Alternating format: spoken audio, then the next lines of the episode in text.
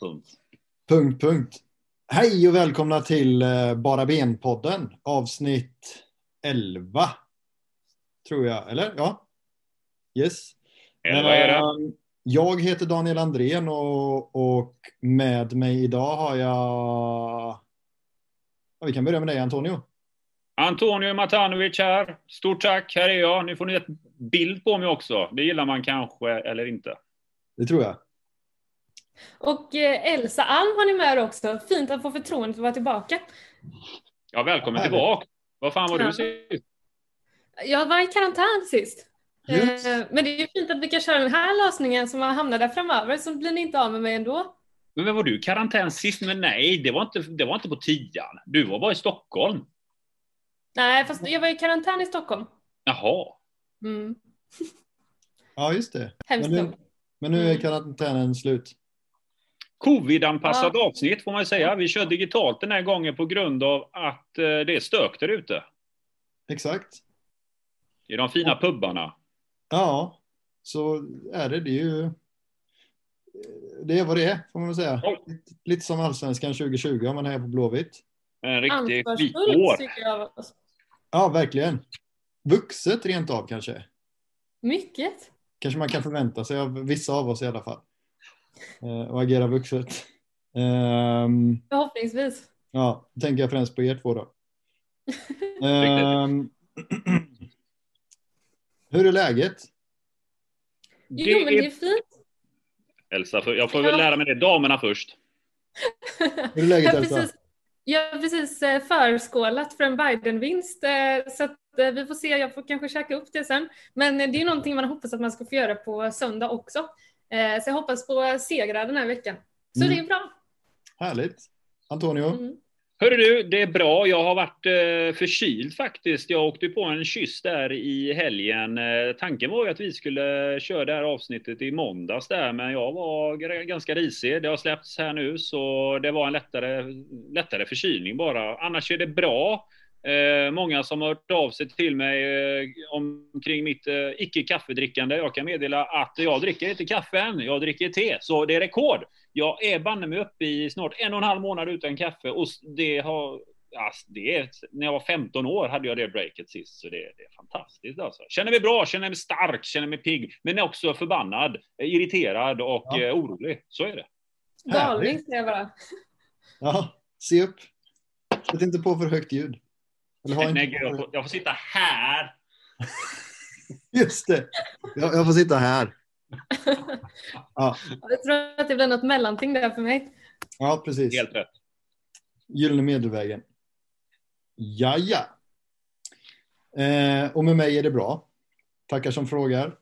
Ja, förlåt Sist var du lite småförkyld ju. Ja, ja visst. Ja, nej, jag, vet, jag dricker citronvatten, men jag, jag, det, det kan nog vara hypokondrin tror jag som eh, slår till. Så jag mår bra tror jag. Ehm, nu har det ju gått några dagar. Vi hade ju tänkt som sagt spela in på i måndags, men eh, så blev det inte. Men eh, jag slänger ut frågan ändå till eh, jag får, får väl rikta den då för att ni inte ska avbryta varandra direkt kanske. Men jag, jag, jag börjar med dig den här gången då Antonio. Känslan efter Örebro SK eh, som många andra matcher i år att eh, spelet var inte kattskit egentligen, utan att eh, vi drev, vi eh, kör på, men eh, där psyket är som en vattenmelon, en smäll så spricker den. Ehm, vi klarar helt enkelt inte av att göra det enkla till enkelt, utan vi, det enkla blir det svåra. Och grejen är den att en sån match som mot ÖSK, hade vi haft mer poäng, hade vi varit högre upp i tabellen så hade vi gjort mål mot Örebro. Ja. Eh, med större sannolikhet. Men fotboll är extremt mentalt. Man var självklart jättebesviken för Örebro har ett sånt lag, egentligen har de ingenting att spela om. Förutom att de ska försöka äntligen knäcka den där nionde placeringen. Jag tror de har kommit nia tre säsonger i rad. Mm. Eh, men Örebro, eh, jag får ändå säga det, kloka investeringar. Jag tycker att spelare som Nahir Besara och liknande som de har fått in gör skillnad för ett Örebro man egentligen inte känner någonting för. Ehm, men jag får säga, jag var faktiskt förbaskad efter matchen ändå, men det är ju för att läget är som sådant att säsongen närmar sig sitt slut och fasiken att du inte kan göra ett enda mål ändå. Det är ju ren skit. Försvaret, och sen försvaret är man irriterad på, för att det spelar ingen roll om vi driver, håller, ska ha kontroll på matchen. Det, jag är livrädd när motståndarna kommer upp till våra zoner, för det känns som att det funkar inte. Det blir alldeles för oroligt där bak. Vi, det finns ingen stabilitet där överhuvudtaget. Som, eh, nu släpper vi inte in många mål, men grejen är att det är inte många chanser som krävs, känns det som, för att göra mål på oss. Och det oroar mig jättemycket inför de sistkommande matcherna. Det, men mm, beror, vad, vad beror det på? Alltså vem, vad, är, vad är nyckeln eller brist, vad är det vi saknar så att säga? Kvalitet i försvaret. För jag anser att alltså, uppåt sett egentligen så har vi lite bättre kvalitet, men defensivt har vi inte det. Vi har yttrar som är väldigt offensiva, vi har mittbackar som inte håller klassen. Eller så har vi mittbackar som är lite skadebenägna, lite ringrostiga. Vi har ingen tillräcklig stabilitet där. Ja. Elsa, läget efter ÖSK? Nej, alltså det kändes ju fruktansvärt för att eh, ÖSK var ju lite det som vi sa innan, en måste-match. Eh, och eh, nu är det ju en måste, måste match på söndag. Det är liksom vinna eller försvinna som gäller nu och eh, hade vi fått med oss någon poäng från ÖSK så hade det ju inte varit lika allvarligt. Så att eh, nej, det blev en sömnlös natt som man brukar säga. Mm. Wow. Men, men känslan mer i spelet då, kan man väl säga att det, det var ju väldigt intressant att Rolle sa just det på medlemsmötet att eh, ja, eh, det viktigaste för oss är att göra första målet. Eh, och att släpper vi in ett tidigt mål, det är så vi förlorar matcher. Och vad händer? Vi släpper in ett mål efter en och en halv minut. Det kändes ju sådär, men när man ändå hade gjort den analysen att vi måste hålla tätt i början. Så att jag blev faktiskt riktigt orolig efter den matchen. Ja. Och, det, ja, det, och, det, är lite och det är lite grann just det där som är grejen med ett lag eh, som inte har det mentala med sig. För det Rolle pratar om här i grund och botten, det är ju att vi psykiskt sett inte är på banan och att vi inte kan hantera eh, tidigt eh, baklängesmål. På ett sätt så, ja, jag kan förstå att han säger det, men på ett sätt så vet det fasiken om det är så klokt att kommunicera det utåt. För att jag menar, jag tycker att han säger emot hela laget, att släpper vi in mål tidigt så har vi en jävla uppförsbacke där vi befinner oss i. Jag tycker inte det var en så klok kommentar att säga överhuvudtaget, även om det statistiskt sett stämmer. Men eh, det skapar för mig lite konstiga, en konstig feeling varför man väljer att kommunicera det som huvudtränare. Det gör man typ som en eh, expert på något spelbolag kanske, som har gjort någon nördig analys, men inte som tränare. Nej, jag håller med. Jag tänker på det här med mentalisering och sådär, så man sätter ord på saker och om tränaren säger att vi förlorar när vi släpper in första målet så kan man nog räkna med att det är det som, som händer också. Ehm, det är ju livsfarligt att vara, ute och prata på det sättet. Men, ja, ehm, det känns extra allvarligt med tanke på att vi har släppt in eh, tre mål, alltså de senaste tre matcherna har vi alla släppt in tidiga mål i. Mm. Eh, och att man gjorde den analysen efter, eh, efter AIK och efter Malmö, fine, liksom, men att det återigen händer med Örebro, att man fortfarande inte liksom Eh, Eh, dels att man kommunicerar det som ni säger, för då, då hamnar ju spelarna i den här att åh nej, nu släppte vi in ett mål, hur, vi kan inte hämta upp det här. Eh, men för det andra är ju att man, man gör den analysen och man är öppen med det på medlemsmötet. Eh, men att det fortfarande inte händer någonting märkvärt i spelet, utan det slarvas ändå i början. Det tycker jag nästan är ännu allvarligare. Ja, det är lite märkligt att det är just Nahir Besara som får stå helt eh, själv i straffområdet och, och sätta dit den också. Eller ja, strax utanför. Jag kommer inte ihåg exakt var han stod när, när, när han gjorde mål, men um, att man tappar honom efter, efter en minut, det känns ju inte som att man, har, som att man är helt hundra fokuserad då kanske. Um, vi hade en himla massa avslut och halvchanser ändå. Vad, vad, vad fanns det? Finns det någonting att ta med sig in i eh, söndagens batalj i Skåne mot Helsingborg? Jag tror att, eh, jag tror på samma sätt som att eh, gör vi det första målet så blir det ju på något sätt kanske en eh, islossning att oj, då, då släpper lite grann spänningarna. Så på ett sätt så, även om jag kritiserade Rolle i sitt uttal, så är det väl nog det ändå som krävs, att vi gör det första målet för att det mentalt ska släppa och att det ska bli lite lättare att passa runt i laget, att inte vi ska behöva jaga hela tiden, utan det kanske kan vara skönt att bli jagad och mm. vara den som kan rulla runt och låta de andra känna pressen. För nu är det skillnad på att motståndet vi möter mot Helsingborg har ju också, än värre, kniven mot strupen. Eh, en klubb vars existens egentligen hotas helt och hållet vid nedflyttning. Nu säljer man ju, sålde man ju Gigovic som räddar ekonomin för i år. Det är ju Helsingborgs räddning, men man har ju ändå mycket skulder på det. Mm. Att eh, för deras del också att trilla ner till superettan eh, till en säsong, nästa säsong, där vi också får räkna med publikrestriktioner. Mm. Den eh, den ekvationen blir olidlig för dem. Så första målet avgör den matchen. Mm. Mm. Däremot så, alltså, jag håller inte riktigt med dig om att de är liksom i ett värre läge än vad vi är, för att någonstans de jagar ju oss, och det kan ju också ge dem lite extra, eh, lite extra feeling, att okej, okay, nu jagar vi Blåvitt som är två poäng upp, liksom, att de då eh, kör extra hårt, liksom, eh, och inte har så mycket att förlora egentligen, med tanke på att de ligger under strecket. Jag vet inte fasken, men jag tycker Helsingborg är också en självbild av sig själva, att de ska vara mycket högre upp i tabellen. Alltså inte på våra nivåer, att vi ser oss själva som ett lag egentligen som ska vara uppe och slåss om Europaplatser. I våran bild, eh, som många har en självbild utav, min bild är att vi alltid ska vara på toppen. Ja. Men Helsingborg, dilemmat för Helsingborgs del som är våran styrka är ju det att rörig organisation är ju någonting som rimmar jävligt bra med Helsingborg. Nu har de ju varit väldigt konsekventa i att tro på Olof Mellberg. Jag tror i grund och botten det har att göra med att man inte haft råd att kicka Olof Mellberg. Hade man haft slantar i plånboken så hade han fått foten för länge sedan. Mm. Men dilemmat Helsingborg har ju är primärt att de har ju svårt att göra mål. Mm. Eh, de får inte riktigt målproduktionen att fungera. Sen har de problem med målvaktspositionerna också. De har en del skador.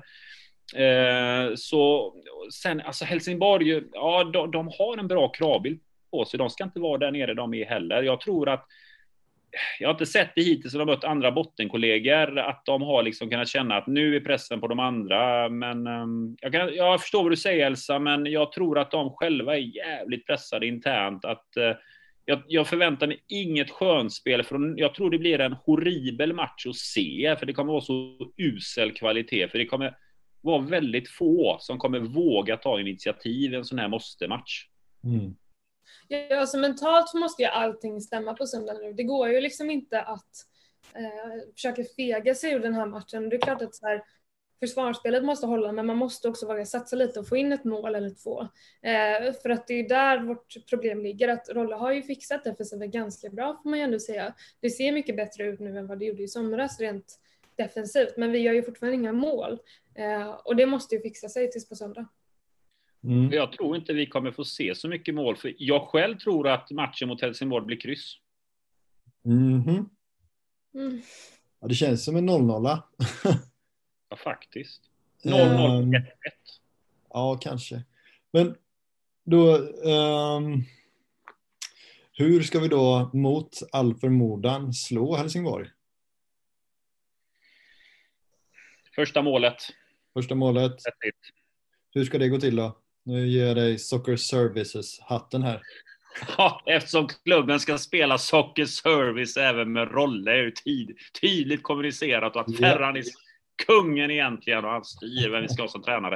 Eh, nej, men hur vi ska göra det så är det egentligen att vi ska ha hög press. Jag tycker inte deras defensiv riktigt alltid kan hålla måttet. Det är mycket hetlevrade spelare på plan.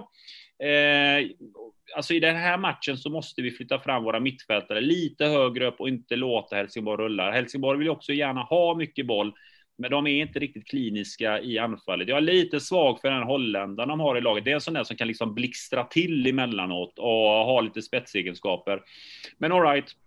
Eh, högt upp med mittfältarna. Jag vill gärna se ehm, jag vill gärna se Pontus tar ett kliv neråt, var mer släpande. Eh, det är ju tyvärr att ändra formationen, men på något sätt så vill jag hellre se ett tyngre mittfält med lite mer släpande spelare om så behövs. Ja, låt Robin Söder vara ensam anfallare. Det har jag propagerat en del för att jag vill ha en ensam anfallare. Och så får vi fylla på med Georgi, vi får fylla på med Pontus och vi får fylla på med liksom yttra mer där. Att bara backa upp, backa upp, äga boll och pressa hög press. Det är, jag tycker inte det är lämpat att köra med två anfallare då. Nej. Elsa? Ja, alltså jag håller väl med mycket om det som har sagt, men, men framförallt så tänker jag att man ska göra det så enkelt för sig som möjligt. Att eh, så lite krångla till det, ett rakare spel. Eh, vi får se lite hur det ser ut på skadeläget, om det är så att Robin är redo att köra från start den här gången. Eh, för inför förra matchen så hade han ju fått en, en försämring som gjorde att han inte kunde starta trots att han själv var inställd på det. Eh, så att vi får lite se hur, hur skadeläget ser ut, men det är klart att eh, det bästa vore ju om Robin kan spela. Liksom. Mm. Eh, absolut. Men ett rakare spel 4-4-2 som jag brukar propagera för och inläggsspel på Wernbloom. Mm.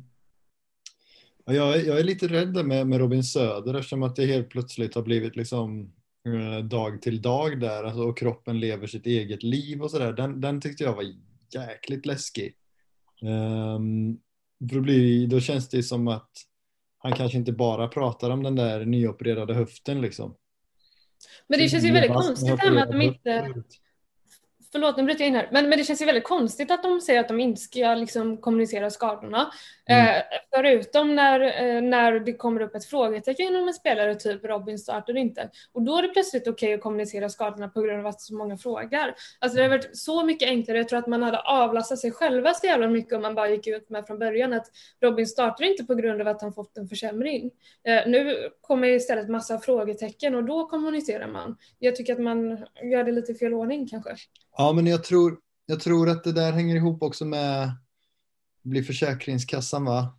Eh, alltså när de är skadade och får sjukpenning och sådär. Eh, så försöker ju Försäkringskassan liksom ta reda på vilken typ av skada det är. Eh, brukar den här spelaren ha problem med baksida lår? Eh, och så vidare och så vidare. Alltså det, det, jag tror faktiskt att det, det har med, eh, med det att göra. Eh, men inte om man är på bänken. Alltså det är ju mer om man är frånvaro från truppen kan jag förstå det. Men där var han uttagbar. Där får han inte någon ja, pröjs från där.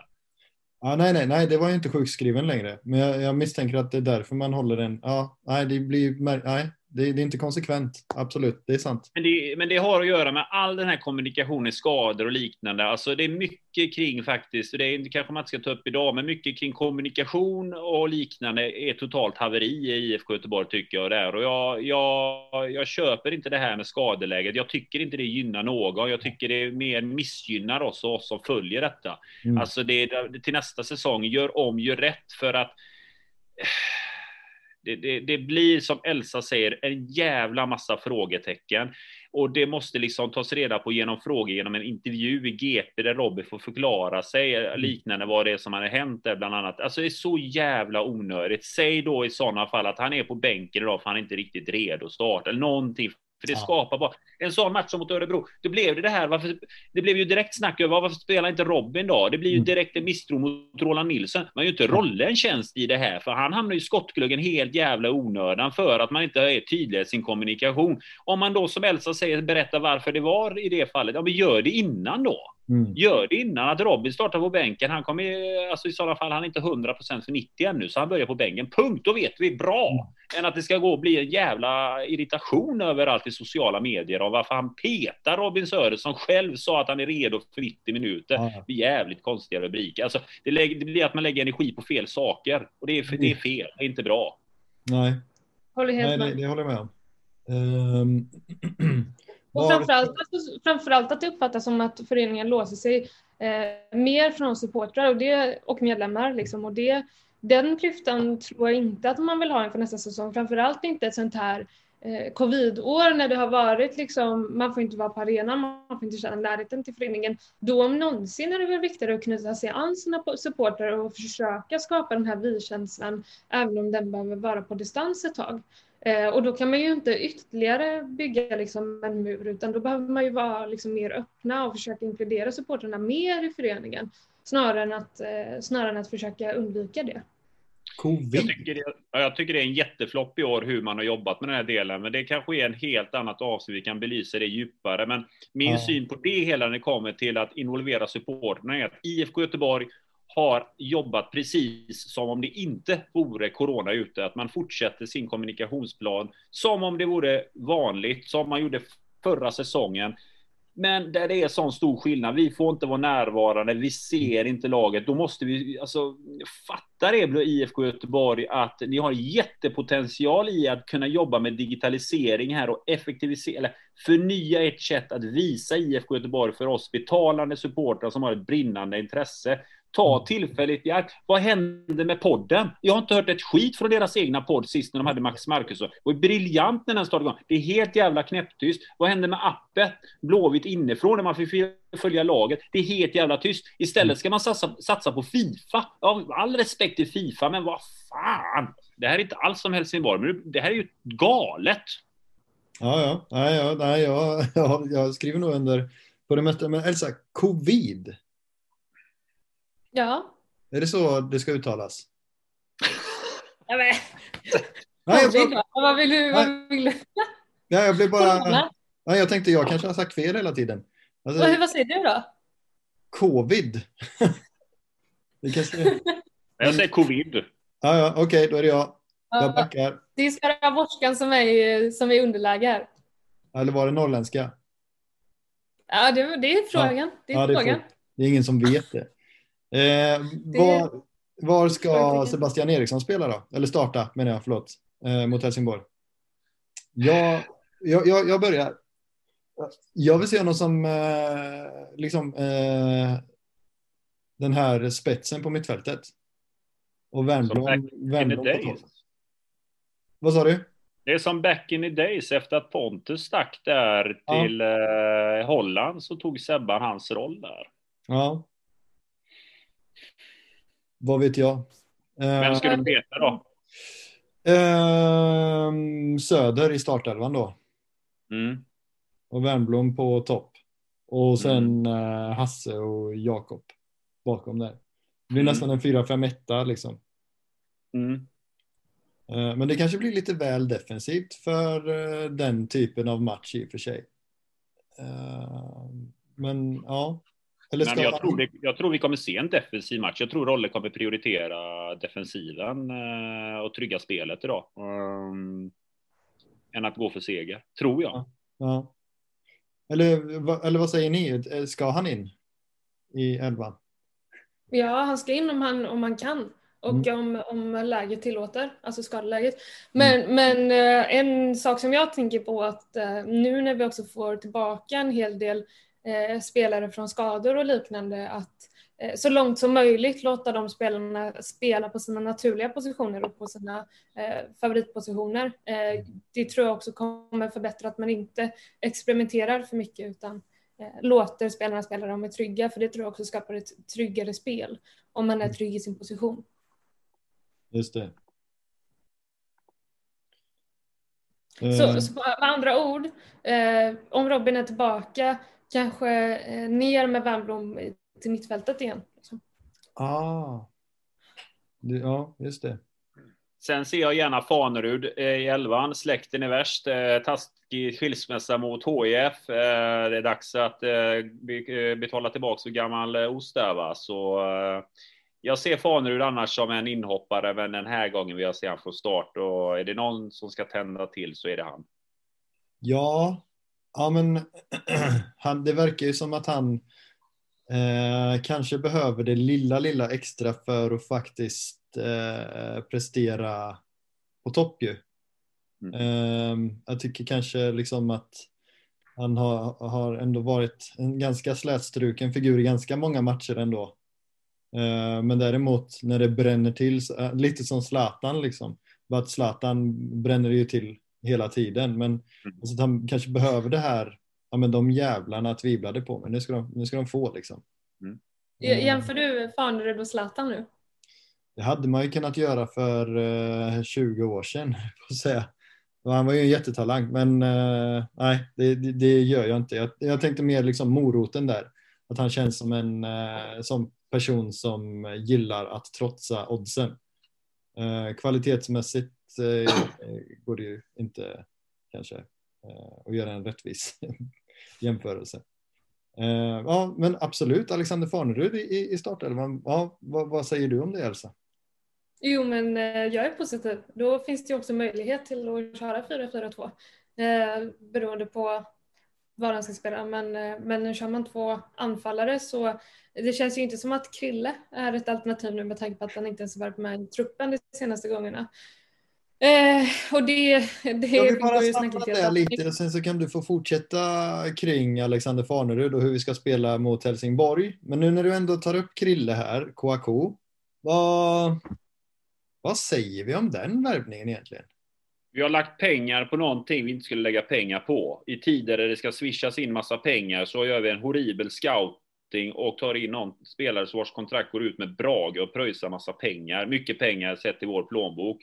Eh, det, finns, det finns ingenting annat än att säga än eh, så här. Det, det är liksom dubbelt får det bli faktiskt. Till och med. Ja. Bedrövligt. Ja. Nej, jag håller med och det är väl också väldigt, eh, alltså, jag, jag, vet, jag vet inte hur riktigt man har tänkt med den där värvningen överhuvudtaget. Eh, mm. för att antingen så kanske man värvar någon som man eh, liksom inser kommer blomma ut nästa eller nästa, nästa säsong. Men, men Krille är ju dels för gammal för det och dels för gammal för att spela nu. Och då blir det lite så här, vad, vad vill man med honom egentligen?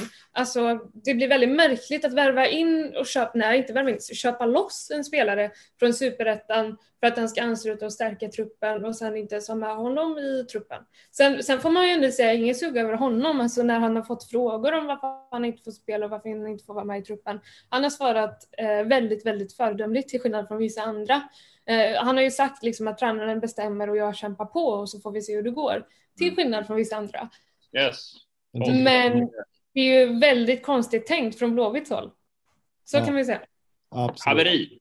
Känner, känner, har, har, vi hört den förut så att säga? Köp, köper ut en spelare från superettan som är på väg att spela ut sitt kontrakt för lite väl mycket pengar kanske och sen uh, floppa.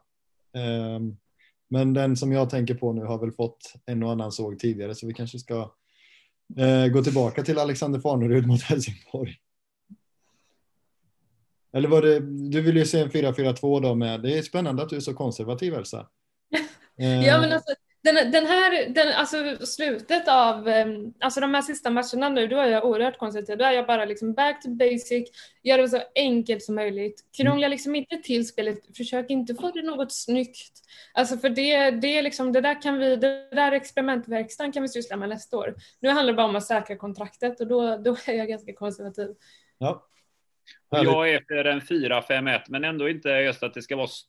Det, handlar liksom inte om att det ska vara stelt 4-5-1, utan det handlar om att man ställer om vid olika lägen. Den släpande forwarden är ju ändå på ett sätt forward vid anfall, vid fasta situationer. Liksom det är ju den som är tätt bakom. I det här fallet säger vi Fanerud då. Det blir på ett sätt ett 4-5-1, 4-4-2, men gärna också en 4-3-3 vid snabba omställningar. Att vi är ganska högt upp på banan om vi ska stressa. Men jag säger det, gör vi det första målet och gör vi ett till, då ställer man ju om att vara lite mer defensiva och, låta Helsingborg ha pressen på sig. För eh, de kommer inte kunna vända en, ett 2-0 underläge. Det, det, har inte de i psyket. Släpper de in ett tidigt mål de med, då kan det gå väldigt fort för dem också och tappa mm. det. Mm. Innan vi lämnar eh, Helsingborg. Mix, Mix Diskerud, mittback. Tillsammans Han tar ett rött i tredje minuten av matchen. Ja, borde vi hoppas på något sånt? alltså, alltså jag, jag, jag ser fortfarande inte storheten hos Mix Diskerud. Alltså, jag älskar ju Kahn att han gillar oss, men fotbollsspelaren. Han är helt okej okay, Mix, mm. eh, men jag ser ju inte honom som den spelaren som glorifieras. Som, alltså, han är så stor i våra led, det är bara för att han älskar föreningen så mycket. Mm. Eh, jag go tycker västkusten. att... Ja, go västkusten, ja. Men som fotbollsspelare, jag tyckte han hade en sejour när vi tog in honom på lån när han var väldigt bra i kuppen början av allsvenskan innan han stack tillbaks till Korea, om inte jag minns helt fel. Sydkorea var väl nästa station efter det. Han, var, mm. han var helt okej. Okay. Men det är mm. ingen spelare som jag anser gör större skillnad och sessionen i Helsingborg har ju inte visat eh, att jag har fel i den här frågan. Det är klassiskt sån där spelare som vet precis vad den ska säga, bortsett från Go västkusten då. Um, han jag fattar inte ens vad han babblar om, jag ska vara helt ärlig. Har du fattat hans tweets eller? Uh, uh, nej, ja. alltså, jag fattar inte ens. Alltså, modersmålet är ju engelska. Fattar det som. Men jag fattar inte ens vad han vill säga på engelska. Alltså, Nej. Det, det, det, det är jättekonstiga saker.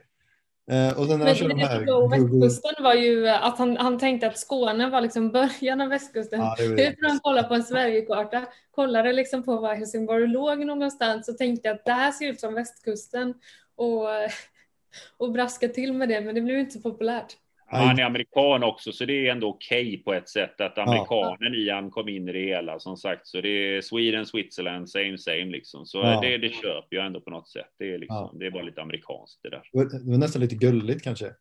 Kanske Ja. det. Nej, jag håller med. Att, eh, extremt överskattad i blåvita led. Ju. Eh, Vem åker ut då? Vi har Ja. ju fyra matcher där. Vem åker ur? Hur slutar det? Är vi oroliga?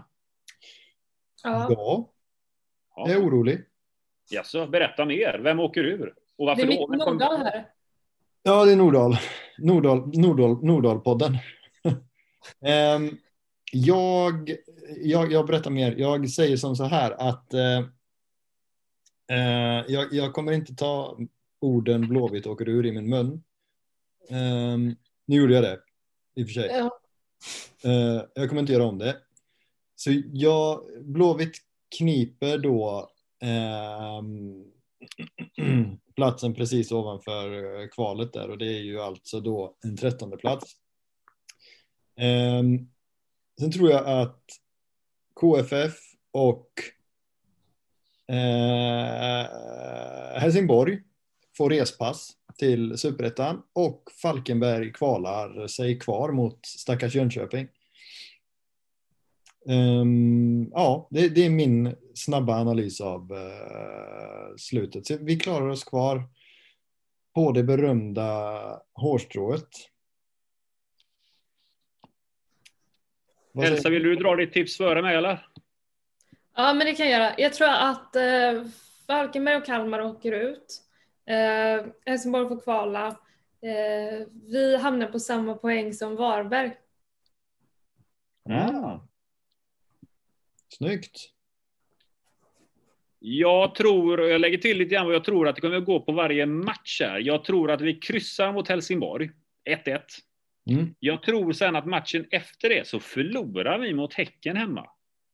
1-2. Sen tror jag att vi förlorar borta mot Östersund. Jädrigt vad jobbigt det här är. Vi kommer inte vinna uppe mot Östersund. Men vi vinner hemma mot Sirius som har tappat det här i slutet. Och tack vare den segern så slutar vi på 28 poäng. Två poäng före kvalande staty på honom. Hasse Eklund som gör det igen. Vi får se Mm. om det räcker mot Jönköping. Men det är två poäng före Jönköping. HIF åker ut på samma poäng som eh, Falkenberg, men med målskillnaden att de har ett mer insläppt mål än Falkenberg. Och sist, Kalmar. De har 21 poäng idag. De kommer bara mäkta med att ta en poäng. Och det är mot Häcken hemma i sista omgången, som lite grann har skitit i det. Det blir en av allsvenskans sämsta 0-0-matcher. Härligt. Härligt. Nu vill jag bara eh, säga här att vi har sex minuter kvar till eh, paus. Ja. Japp. Eh, men vi avhandlar nästa punkt på, på körschemat. Har vi supportrar gett upp? Nej, det har vi fan inte gjort. Usch, så deppigt. Mm. Kan du utveckla? Nej men alltså, jag vet inte, det är liksom, man brukar ju prata liksom om de här äldre bortskämda supportrarna som förväntar sig att Blåvitt ska vara topplag och, eh, och liksom kriga om SM-guld varje år och liksom allt sånt där. Men ärligt talat, alltså så här, jag, jag är liksom född efter allt det där och liksom inte varit med och kan inte liksom, liksom uttala mig om hur det var. Men fan, det är ju inte så att vi yngre supportrar förväntar oss att vi ska ligga och kolla på eh, kvalstrecket varje år eller ned utflyttningsstrecket, Utan det här är ju liksom, eh, det är liksom man, har, man går ju in i den här föreningen med liksom hjärta, med engagemang, med liksom känslor. Eh, och, eh, och man gör också liksom känslomässiga investeringar. Eh, och det är klart att fan, när det är tufft så är det väl ännu viktigare att visa att man står kvar, att man är med, att man vill göra grejer. Och det är väl det som är kanske extra frustrerande för många supportrar i år, att vi får inte vara på arenan, vi får liksom inte, vi kan inte vara och hjälpa liksom klubben på något sätt eller föreningen. Utan det är liksom den här distansen och det är väl det som känns kanske extra allvarligt att man inte kan hjälpa till på något sätt. Mm. Men det är klart att vi inte gett upp. Alltså, ja, jag kommer köpa årskort nästa år oavsett om jag får gå eller inte. Mm. Och, och det tror jag att ganska många eh, känner med mig också att man kommer göra. Men, men det handlar ju också om att man kan ju vara jävligt besviken på, på liksom föreningen eh, men fortfarande känna liksom att, man, att man bryr sig och vill göra saker. Liksom. Mm. Ja, jag personligen, alltså, jag har ju gett upp allsvenskan. Den tycker jag är jätteointressant. Dels för att Malmö har ryckt iväg, men, men också för att det, ja, det börjar faktiskt bli påtagligt nu när man ska se andra matcher att det är lite trött utan publik liksom. Um, men däremot så, alltså jag känner, mig, jag känner mig nog lika engagerad i år som jag var i fjol alltså. För Blåvitt då. Jag skulle säga att jag är mer engagerad. Och det är för att ja. alla andra saker också har försvunnit. Alltså förlåt, men jag är liksom inte bakis på söndagsmatcherna längre. Ah. Jag har inte varit på Jackie till fyra på morgonen. Utan jag, jag sätter mig där med min tv liksom 19 en söndagkväll och, och, och mår ganska bra tills man ser Blåvitt spela och, och man mår lika dåligt igen. Liksom. Men, men, men, så att jag menar allt annat i livet har ju liksom, mycket har ju försvunnit också. Typ man är ju inte på en fysisk arbetsplats, man sitter mest hemma. Alltså, det, jag tror att man underskattar liksom den, den rollen som fotbollen spelar i människors liv ett sånt här år eh, och den vikten av gemenskap som man folk ändå behöver ha. Mm. Om man tror att fotbollen har blivit mindre viktig. Men det är ju å andra sidan sunt att slippa vara bakis till klockan 19. Elsa är så ung så hon är nykter igen vid tio på morgonen. Ja. Det, det, du och jag, jag är nog bakis tre dagar om jag skulle hålla på sådär som Elsa håller på. Det, pulsen är borta två dagar. Ja, jag blir bakis av att höra klockan ja, fyra på ja, Jack idag. Jag tänkte inte vi hoppa av här. Jag behövde nästan gå och lägga mig lite. Ja, precis. Ett bra år, en typisk bra lördag kan jag väl bara säga. I år har det inte blivit så mycket av det tyvärr. Vilket man saknar. Det var ju liksom ens primetime tänkte man när man fyllde 20 att man skulle vara ute varje helg. Nu är det ju sömn, sömnvisan varje kväll. Liksom. Ja, riktigt. Det är så du kommer ihåg när du är 38 också. Fan, du, du, du får uppleva det så tidigt bara. Eh, nu ser jag att det inte är så mycket tid innan vi ska ta pausen där, men jag, jag kan dela lite grann uppfattningen som båda har respektive fall. Jag kan ju känna lite grann att eh, peppen kring allsvenskan har ju liksom minskat från mitt fall. Alltså jag kände ett jätte... Jag hade svårt att komma igång början av säsongen. Fick någon liten peak där på sommaren, liksom gött att se det ändå. Det görs lite transferaffärer och liknande. Snart Europaspelare och vi skulle vara med i detta. Men jag kan uppleva lite grann att en del har ju ändå gett upp. Det är lite grann den mentaliteten. Eh, hellre att vi åker ur i år och, och så får vi börja om. Men eh, vi får ju lyssna lite grann på supporterklubben Änglarna här. Mobilisera och engagera. Jag tycker de gör bra engagemang där ute. Lyssna på dem.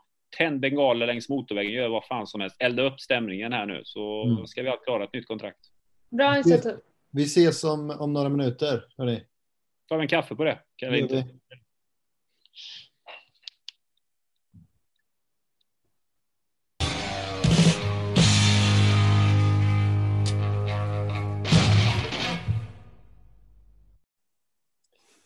säger vi välkomna tillbaka till Bara Ben-podden avsnitt nummer 11.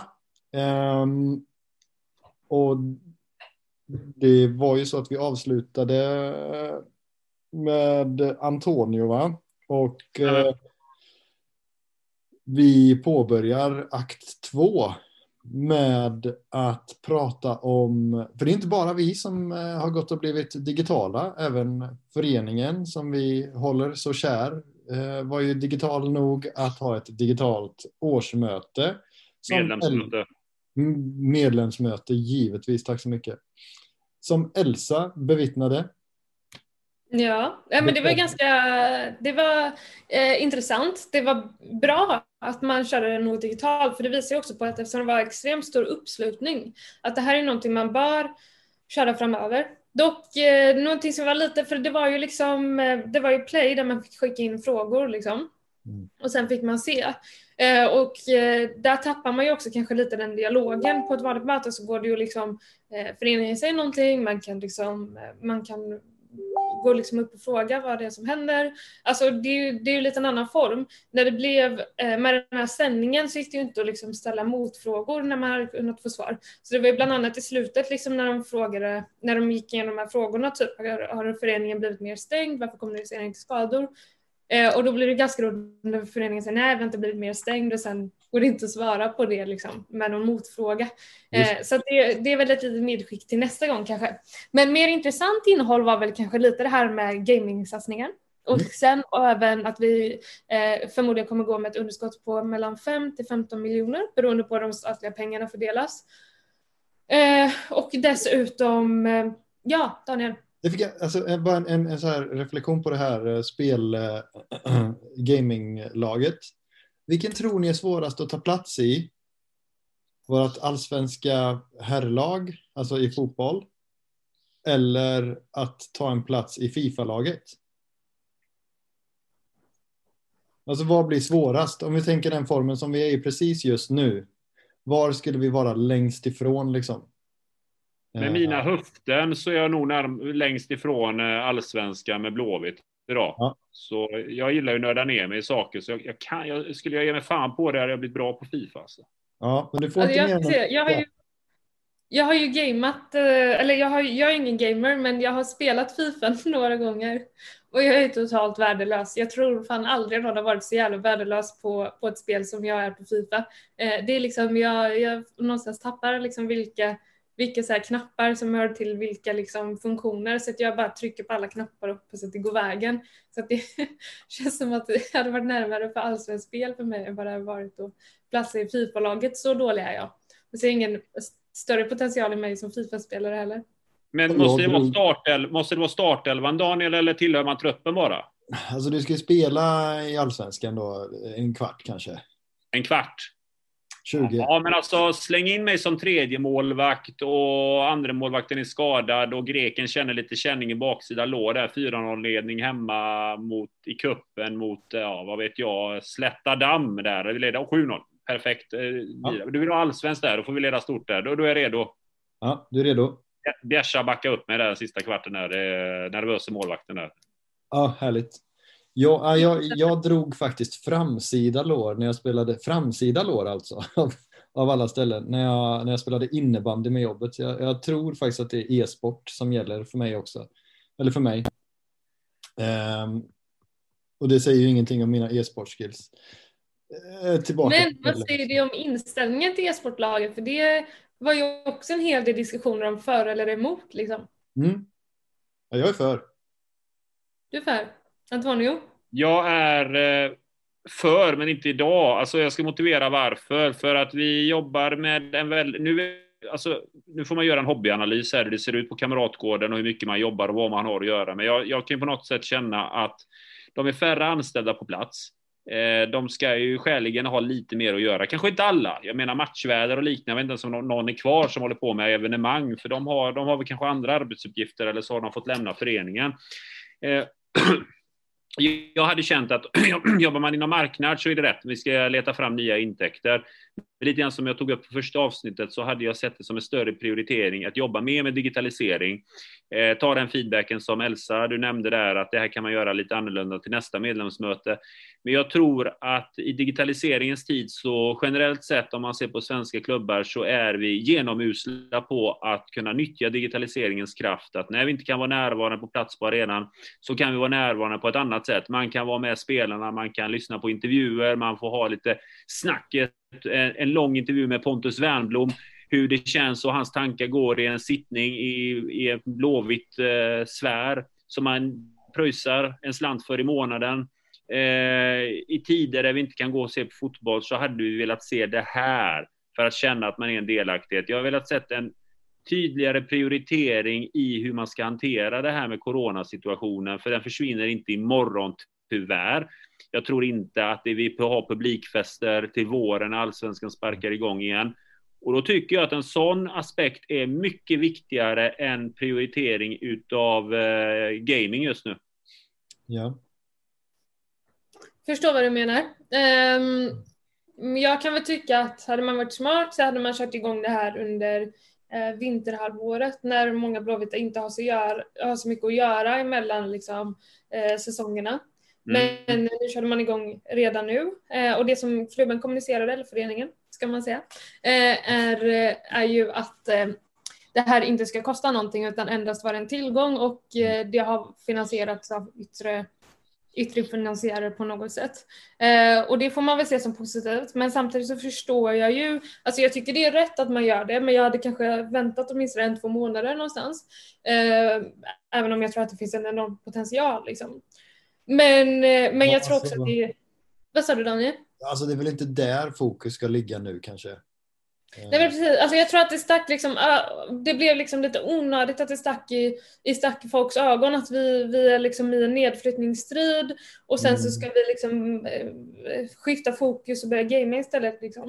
Eh, det, det Samtidigt- jag blev liksom en onödig provokation och jag tänker att ja, vissa reagerar kanske lite onödigt också men hade man varit smart hade man kanske väntat något med det. Men samtidigt som väldigt, väldigt många människor kan göra två saker samtidigt. Ja.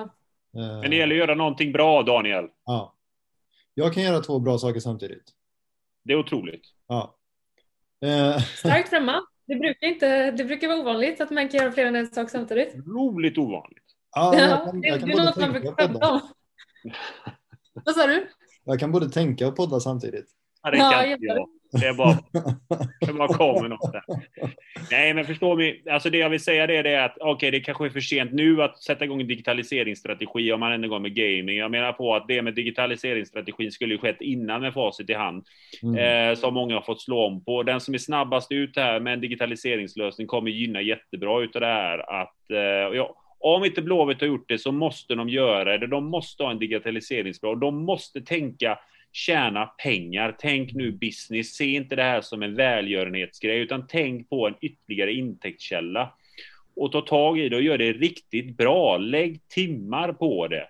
När andra så evenemang och grejer försvinner från eh, vardagen kring matcharrangemang och, matcharrangemang och liknande. Fokusera på det. Ja. På tal, om, på tal om business, vad tyckte ni om den blåvita bilen som presenteras i dagarna? Och, och, du, Jag kör ju ett annat märke själv. Ja, jag har inte körkort så jag kan inte ha en åsikt.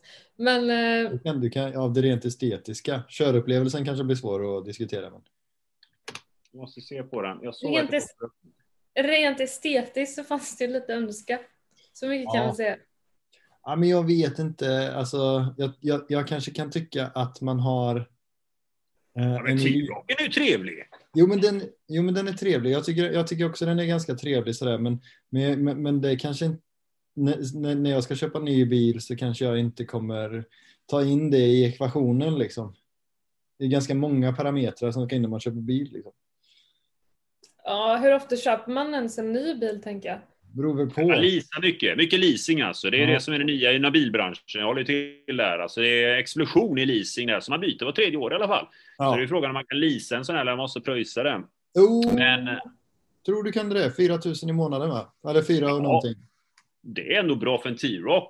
Jag gör reklam för Volkswagen här. Volkswagen är en bra bil för övrigt. Det har Ja. varit i staden Wolfsburg också. Otroligt tråkig stad där. De var Volkswagen.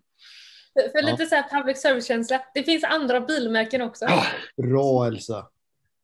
det är riktigt, viktigt. det är riktigt Volkswagen. Ni får pröjsa innan vi berömmer er allt för mycket. Ja exakt. Det finns Volvo. Ingen produktplacering här inte. Nej, Nej, nej. nej. För guds skull. Det finns BMW. Okej, men vad, vad hände annars på medlemsmötet? Det var, det var eh, tio... det var 50 miljoner. Vart flygrosten är otroligt.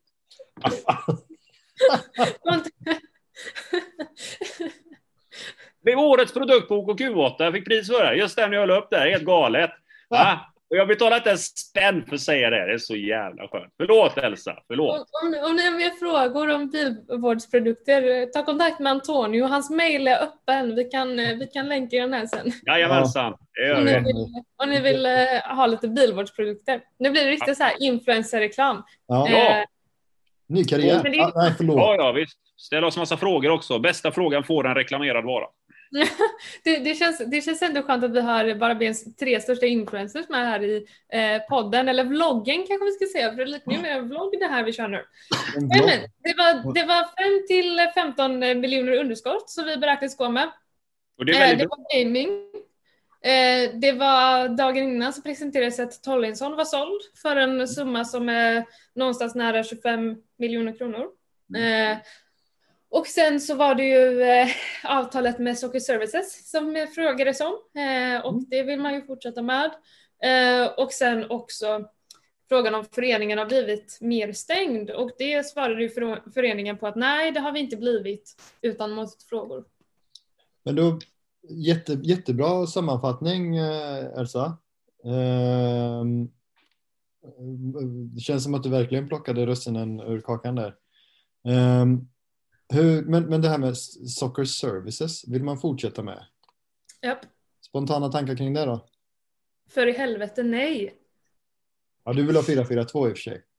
Jo, men alltså också så här, Nej, alltså kolla, vill, vill, ni, vill ni ha svårt att sova i natt så kolla på Soccer Services LinkedIn och se liksom hur de, hur de kommunicerar. Det är liksom, de, de, de skriver liksom trust the, the process och trusting the process is never wrong och eh, Alltså jag, blir, jag får panik så fort jag går in där. Och, och liksom en bild på Blåvitt när de vinner kuppen och bara tack. Och de skrev ju fel på antal gånger vi har vunnit titeln också. Det är ju ja. underbart. Ja, ja, alltså det var, det var, uh, jag var så dåligt när jag såg det. Och, och sen också. Det snackar alltså, vi sekt alltså. Nej, men jag tycker att de marknadsför sig på den här LinkedIn på Blåvitts bekostnad. Alltså jag vill veta vad, vad, vad kostar det här samarbetet eller den här samverkan? Vad har vi fått ut av det? För att vi harvar liksom i botten av allsvenskan. Och eh, det är någonstans vi ska prata lite om, eh, om vår kära Pontus eh, i 031 fotboll sen. Jag ska, släppa in det Daniel. Ja. Men, men eh, någonstans, och där säger han ju dels liksom att man vill fortsätta med Soccer Services men också att, eh, att man ser väldigt liksom, positivt på Ferran och hans, hans tillgång till, till truppen och och att man inte ska ändra på särskilt mycket. Att, eh, att eh, Pontus var ju inne på väldigt mycket, liksom att eh, ja, nu har vi en ny tränare, men han ska inte ändra på särskilt mycket. Nej, men vad ska vi ha en ny tränare för då? Om allt, bra, om allt var bra innan, om allt var jävligt bra med Poja, varför bytte vi tränare då? Bra Elsa! nu, nu, nu är det liksom hårda känslor men alltså allvarligt talat, om vi byter tränare för att vi ligger och harvar i botten på allsvenskan och riskerar att åka ut, hur kan man då liksom eh, sparka tränaren, tillsätta en ny, för att sen säga nej vi ska inte ändra på så mycket, vi ska skruva på några knappar och se vad som händer. Vet du vad? Vet du vad? Det där liksom, jag, jag skiter i om du vill liksom gå tillbaka till Poja-spelet nästa säsong. Men nu, när vi liksom riskerar att åka ut, då är det väl ändå liksom en, en, liksom en sund analys att göra att när vi behöver ändra på jävligt mycket om inte vi vill spela i Superettan nästa år. Mm. Väldigt kloka tankar där Elsa. Jag är helt enig på detta. För att grejen är den att eh, för mig så är det som så att när man sparkar en tränare så gör man det av två skäl. Det ena är att resultatet är åt helskotta. Det är inte närheten av klubbens ambitioner. Det andra är att man har tappat omklädningsrummet. Och på steg två så känner jag mig väldigt trygg med att säga att eh, Poja tappar inte omklädningsrummet. Jag menar på att det är många spelare som tyckte om honom och jag tror inte att de etablerade spelarna kom in och sa det att nej, men ni får sparka den här eh, tränaren för att han håller inte måttet. Utan det här har helt enkelt kommit från styrelsen att resultatet håller inte tillräckligt bra mått och då måste man ställa sig frågan varför då? Är det mm. ledaregenskaper? Är det handlar det om att inte få ut tillräckligt av materialet? Kanske var den frågan. Men precis som du säger Elsa, Pontus går ut och säger att vi ska inte skruva på någonting. Då är det ju helt enkelt att man anser att ledaren på Asbaghi i min värld inte höll måttet. Det är det enda jag kan få fram i ja. sådana fall. Eh, lyssnar man på den podden 031 så tycker jag att man hör mellan raderna att det är en otroligt besvärlig fråga för Pontus att överhuvudtaget ta tag i. För man hör där mellan raderna att Pontus Svanerud ville inte sparka Poya Asbaghi. Men man har tagit in en tränare som ska jobba på samma sätt och vi ser inte någon utveckling. Och det förstår inte jag vad som är syftet med den fotbollen vi vill bedriva idag om vi inte ser resultat på det. Ja, jag men jag vill bara rätta dig lite Antonio, för att jag håller med dig. Men, men en sak som jag ändå tyckte var intressant i den här podden, som jag i alla fall inte märkt eh, framkommit tidigare, det var ju just att de, de, eh, de nämnde att eh, styrelsen fick olika liksom, alternativ att ta ställning till. Och huvudalternativet var alltså att byta tränare. Och det kom alltså från, eh, från den sportsliga ledningen, alltså att, som ett förslag till styrelsen att att man ville byta tränare. Så som jag tolkar frågan i 031 fotboll. Jag kan tolka den fel, men jag vill ändå stänga in den brasklappen. Ja, jag, jag, jag känner bara ja, jag tror Pontus personligen inte ville det.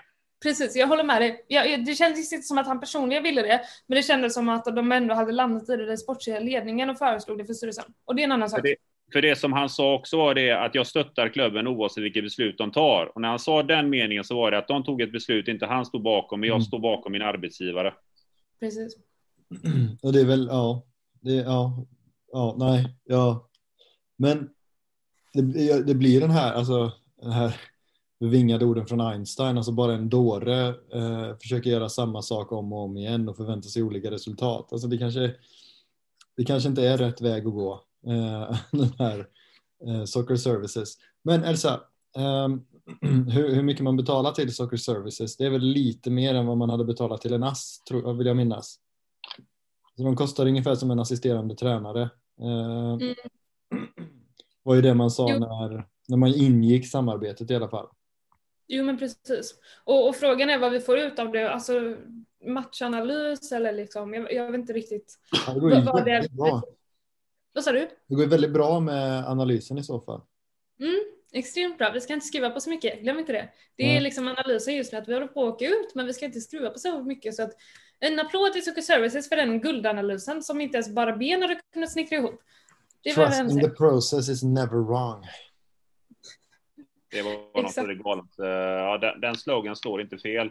Eh, innan vi fortsätter med Socker Service, jag bara hoppa tillbaka som Elsa drog upp det på medlemsmötet, att någonting som var väldigt positivt var det ekonomiska resultatet att vi landar på bara, säger jag, ett minusresultat mellan 5 till minus 15 miljoner och då är mm. inte Tolinsson-siffror i detta mig vetligen inkluderat. Jo, det är det, förlåt mig, Tolinsson-siffran ska ju vara inkluderad den siffran, för vi får ju säkerligen en del av summan nu, så kanske får vi resten nästa år. Det är ett jättebra resultat och eh, jag tror ju mer att här har ju vi fått god hjälp utav Eh, Eh, sponsorer som har pytsat in pengar utöver att det blir lite intressenter på nyförvärv, men också att eh, fantastiskt till alla supportrar som har swishat eh, och haft sina olika aktiviteter. Utan det så hade ju lite licensen varit havererad i grunden när vi kommer in med den kassan så Så jag tar med mig det från medlemsmötet i väldigt positiv bemärkelse.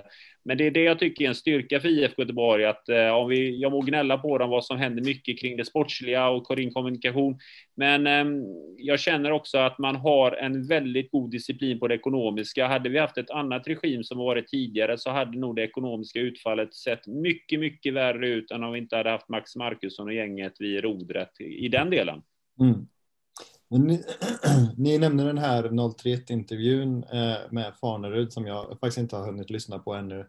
Eh, bara läst eh, utdrag. Um, vad bortsett från det här snacket om eh, Poja och att Soccer Services är bra och, och att roller ska fortsätta eh, på den inslagna vägen. Vad, finns det något liksom, mer man kan ta med sig därifrån?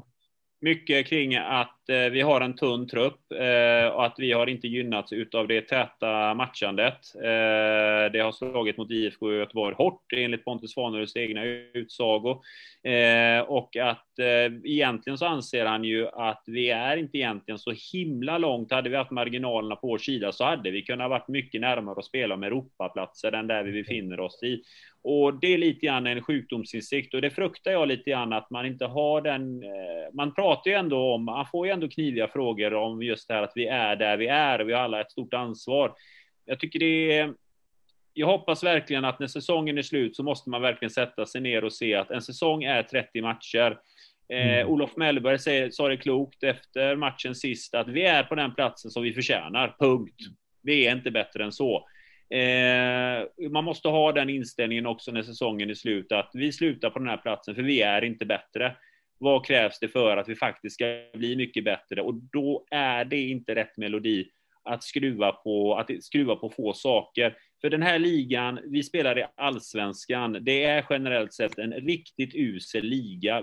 Då, då, då, då det ska inte krävas, eh, det, det, alltså, vi ska inte vara där och vi kan inte ha sjukdomsinsikten att hade vi marginalerna på vår sida så hade det varit mycket, mycket bättre. Ja, men det, det är en lång säsong och eh, jag tycker att sjukdomsinsikten måste vara tydligare där i Blåvitt, att det, det är en hel del saker som måste skruvas. Mm. Jag tänker innan, Ja, absolut Elsa. Två, två saker från den podden, jag ska dra det fort bara. Eh, det ena är att jag reagerade på att ett, han tyckte inte att han gav de bästa förutsättningarna för Poja inför den här säsongen. Fine, mm. det kan man tycka. Eh, två, där han då pratar om vilka förutsättningar han hade gett, alltså att man inte hade lyckats förstärka truppen på, eh, på det defensiva och på det offensiva. Eh, och då mm. nämnde han ju också det här att man hade gått på spelare som sen visade sig eh, bli alldeles för dyra. Mm. Är inte det ganska, alltså det är väl ändå ganska allvarligt att man, att man liksom inte någonstans har den insikten om vilket lag vi är om man går efter spelare som sen visar sig vara alldeles för dyra. Alltså jag tänker mig att om man, om man inser att vi behöver stärka truppen offensivt, vi behöver stärka truppen defensivt. Offensivt vet vi ju redan att det blev Krille sen som kom in mm. eh, och det kan man ju diskutera. Men men rent defensivt, om man ändå hade med sig det, då har man väl en plan A, en plan B, en plan C, en plan D, att man kollar på flera samtidigt, att man jämför liksom olika priser, men att man slutar med att man inte att man inte lyckades förstärka truppen, det tycker jag är, det, det förtjänar mer kritik än vad det har fått. Ja, och det är också de här berömda hyllorna. Vi kan inte titta på den här översta hyllan och så vidare som man brukar prata om, men det är fortfarande intressant att man uppenbarligen har kollat på fel hylla eh, hela, hela våren liksom. Um... Och, sen, och sen letar man på lägsta hyllan efter Krille och Nej, nu var det lite ja, ja, jo, alltså, ja, det, det blev ju fel i Blåvitt samtidigt som man ändå har en bra superettan-säsong i ryggen. Men det kan man tycka vad man vill om. Men man kanske hade kunnat landa någonting lite bättre om, om man hade kollat på rätt hylla direkt. Eller sådär, jag vet inte. Um, jag, jag, jag, bara lite så här innan vi, vi ska strax runda av här faktiskt. Um, jag bara funderar på vem gör vad i den här sportsliga ledningen? För jag vet att du Antonio till exempel pratade om eh, att Kenneth verkar vara fortsatt eh, involverad. Det stämmer. Eh, det togs upp på podden att, eh, 031-podden att Kenneth är fortfarande på ett sätt aktiv i föreningen och stöttar Pontus. Och, eh, så man får ju, jag trodde att han hade stuckit helt och hållet, att han tog sin kos och stack, men han är fortfarande aktiv och stöttar Pontus, så han känner den stöttningen i detta, fast skillnaden är att Pontus tar det slutgiltiga beslutet. Så jag själv tror mer att Kenneth är där som ett mentorskap för Pontus, eh, för att kunna ta rådfrågor och liknande och kunna assistera vid transferaffärer. Jag tror säkert att på något sätt så hade väl Kenneth ett finger med i leken också i Jesper Tolinsson-affären. Eh, men vem gör vad? Jag säger att Pontus styr det, men Kenneth är där som mental rådgivare. Och, och Pontus attesterar fakturor nu för tiden? Just det, det gör han. Mm. Men någon ska göra det också ju. Um, Max roll i det hela då? Bortsett från att anställa struktureringsgenier och sådär. Och bortsett från gubbkepsen han ibland har på sig. Just det, då, då, kan du få ta den direkt av uh, veckans avgå eller omgångens avgå. Alltså jag, jag, jag har ju ett orimligt hat mot gubbkepsar. Jag såg en man med gubbkeps på gatan häromdagen och kände mig liksom provocerad att riktigt be till i mig. Vilket mm. är orimligt, men eh, det är sådana tider nu. Eh, men, men eh, jag ska inte säga att Max ska avgå för den där hemska Nej, kepsen. kepsen men... ska avgå. Kepsen ska avgå, absolut. Och Max tycker jag faktiskt... Jag, jag, vet inte om jag, jag tycker inte att det här är hans fel. Jag är mer kritisk till till faktiskt Pontus och Kenneth i så fall. Eh, och jag tycker att Max ofta är det bra. Jag tycker att han är en rakryggad liksom ledar, eh, ledarfigur i Blåvitt och jag tycker ofta att han svarar bra på de kritiska frågor som, som lyfts. Men, eh, men ja. Ja, jag kan, jag kan känna jag kan känna att Max för mig, han, har, eh, han gör ett fantastiskt bra jobb i att eh, bygga föreningen IFK Göteborg. Alltså när det kommer till det ekonomiska, som han sa själv där, att när det var som värst här nu, eller när det fortfarande är ekonomiskt, så har inte ens folk fått köpa in pennor utan hans godkännande. Liksom, han har kört en hård linje för att tänka på Blåvitt på lång sikt inom det ekonomiska. Så det som sker liksom eh, Eh, för förenings, företaget eller bolaget IFK Göteborg så sker det bra saker. Bra samarbete med intressentbolaget, man får loss spelare tack vare att man har på något sätt en klok dialog.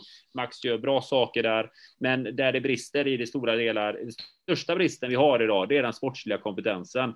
Mm. Eh, man vill inte skjuta allt för sank i det hela, men det är någonting som måste ses över efter omgång 30 och det är att se över den sportsliga kompetensen och vilka som sitter där och tar besluten vart IFK Göteborg ska gå framåt och hur planen ser ut för 2021. Mm. Ja.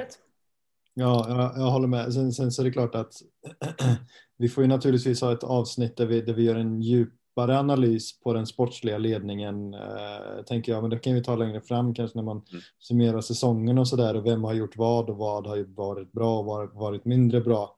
Eh, men men jag, generellt sett så skulle jag också säga att eh, Maxwell gör ett jättebra jobb. Um, jag tänkte, nu ska vi alldeles strax gå vidare i våra liv här. Uh, men jag undrar om ni har några uppmaningar eller sådär till uh, alla fans och supportrar där ute? Elsa? Jag, jag, har två saker att säga. Det första ja. är, nu får vi ha lite hopp. Det var Göteborgsvecka i Paradise Hotel i veckan och där vill jag bara meddela att eh, personen som fick gais halsduken åkte ut medan Blåvitt-halsduken fick eh, stanna. Så att det, det gav mig lite hopp inför söndag faktiskt. Och det andra är väl att äh, återigen då eh, följ Änglarnas uppmaning om att eh, visa färg på vägen till Helsingborg. Eh, mm. Tycker det är ett superbra initiativ. Men också skänk pengar till 4 oktober. Jag fattar att det är segt att hålla ut och man behöver inte hålla med om allt för att swisha pengar. Nej. Jag fattar att man, man nu känner liksom en frustration och en ilska men, men nu behöver vi sluta leden och se till att klara det här ihop. Helt enig. Antonio, kontraktet klar, vi, vi klarar kontraktet som sagt. Jag säger det till er igen, jag påminner om det. Vi ja. får 28 poäng. Tack vare seger mot Sirius i sista omgången. Det är som en jävla Hollywoodfilm när det avgörs i sista sekunden. Och så har vi säkrat kontraktet. Halleluja! Jag bara drar ett streck under allting ni har sagt och tackar för uh, ikväll. Och ja, glöm inte att prenumerera och sådär. Ha det gött! Stort tack alla lyssnare! Ha det gött! Hej! Hej, hej!